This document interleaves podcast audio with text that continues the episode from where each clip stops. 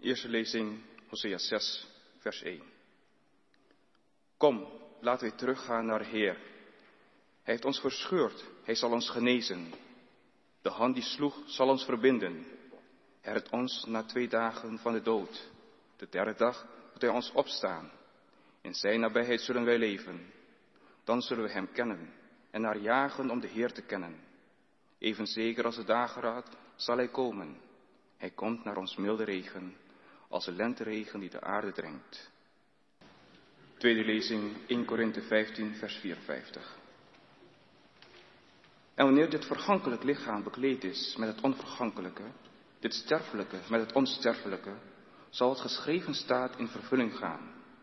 De dood is verslonden en overwonnen. Dood, waar is je overwinning? Dood, waar is je angel? De angel van de dood is de zonde. En de zonde ontleent haar macht aan de wet. Maar laten we God danken, die ons de overwinning geeft door onze Heer Jezus Christus.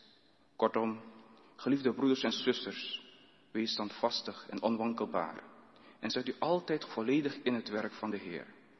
In het besef dat de inspanningen die u voor de Heer verricht nooit te vergeef zijn. Gemeente van onze Heer Jezus Christus. De woorden uit het begin van Hosea 6 komen een beetje uit de lucht vallen. Waar komt opeens die boetevolle oproep vandaan? Kom, laten wij terugkeren naar de Heer. Het lijken de enige juiste woorden die passen als antwoord op die felle, hartstochtelijke en soms bittere toon van de voorafgaande hoofdstukken. In lyrische en beeldrijke taal wordt het beeld geschilderd van een relatie tussen God en Israël. Als een liefdesrelatie. Maar dan wel een liefdesrelatie waarin de vrouw als beeld voor Israël ontrouw is. Tot groot verdriet van haar man, beeld van God. En God maakt zijn geliefde vele verwijten. Het volk vereert afgoden. Het laat zich in met sociaal onrecht. Vertrouwt op iedereen, behalve op hun eigen God, de God van Israël. Maar ondanks alles, al deze pijn en deze afwijzing, blijft de God van Israël van zijn volk houden. En probeert daar terug te winnen. En dan opeens klinken die woorden. Kom, laten wij terugkeren naar de Heer. En in vers 3, dan zullen wij Hem kennen en naar jagen om de Heer te kennen. Welkome woorden als helende verbinding en een open wond. Woorden in de mond van Israël gelegd, de ontrouwe vrouw. En zij mag op grond van de geloofwaardigheid en barmhartigheid van haar man durven te geloven dat haar ontrouw niet het laatste woord in hun relatie is. Maar dat er herstel en vergeving mogelijk is. Kom, laten wij terugkeren naar de Heer. Dit geloof en deze hoop wordt kracht bijgezet door het beeld van de zekerheid van de dageraad. Even zeker als de dageraad komt, zal komen, zo zal de Heer komen. Zoals een lenteregen die de aarde doordrenkt. Het is troostvol om in de barmhartigheid en genade van God te vertrouwen. Maar deze beelden van de natuur lijken te botsen met die taal van de relatie waarin Hosea getoonzet is.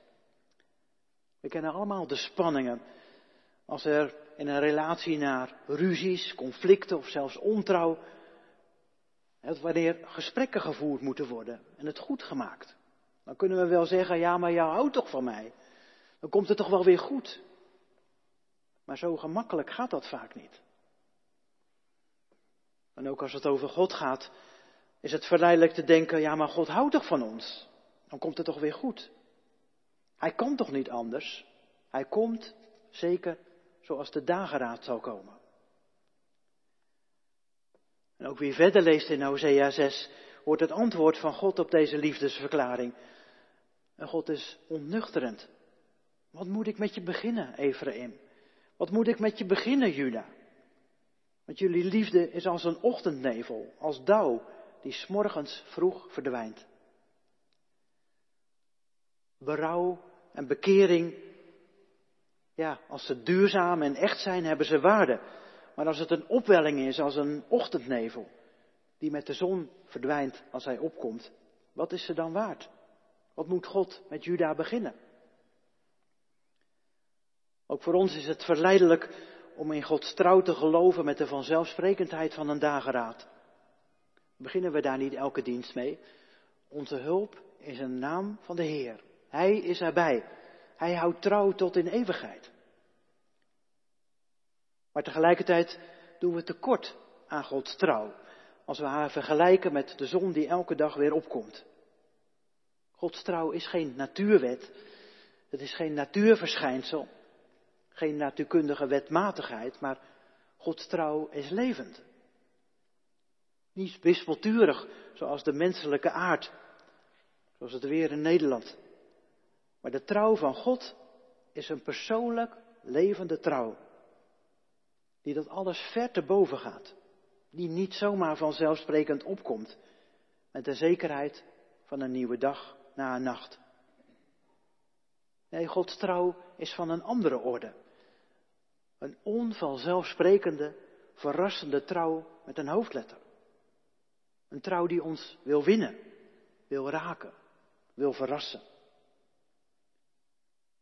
Zo mogen wij ook die bijzondere beleidenis horen, die we ook in 1 Korinthe 15 na horen echoen. Waar Israël zegt, en later de kerk met Israël meezegt, hij redt ons na twee dagen van de dood. De derde dag doet hij ons weer opstaan. Er staat niet, ja, twee dagen leek alles verloren.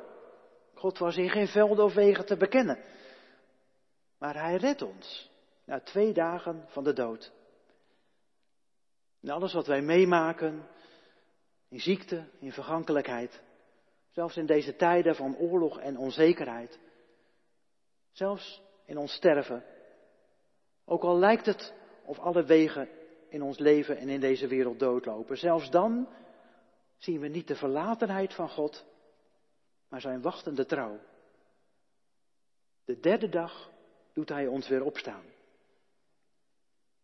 Maar dit evangelie is geen weerbericht. Het is geen natuurkundige wetmatigheid, geen vanzelfsprekendheid. Maar ze draagt de verrassing in zich van de persoonlijke toewending van de levende God. Twee dagen lijken soms een eeuwigheid. Als er geen teken van leven te zien is. Als we smachten naar vrede. Ook vandaag met de inwoners van Oekraïne bidden. Heer, ontferm u over ons. Als wij bidden met, om heelheid in gebrokenheid. Om, om nabijheid in tijden van afstand. Maar we mogen blijven beleiden en geloven. Op de derde dag doet Hij ons opstaan. Het is levende werkelijkheid geworden in Christus. Of met de woorden zoals we die uit 1 Korinthe 15 lazen. En wanneer dit vergankelijk lichaam is bekleed met het onvergankelijke, dit sterfelijke met het onsterfelijke, zal wat geschreven staat in vervulling gaan. De dood is opgeslokt en overwonnen. Amen.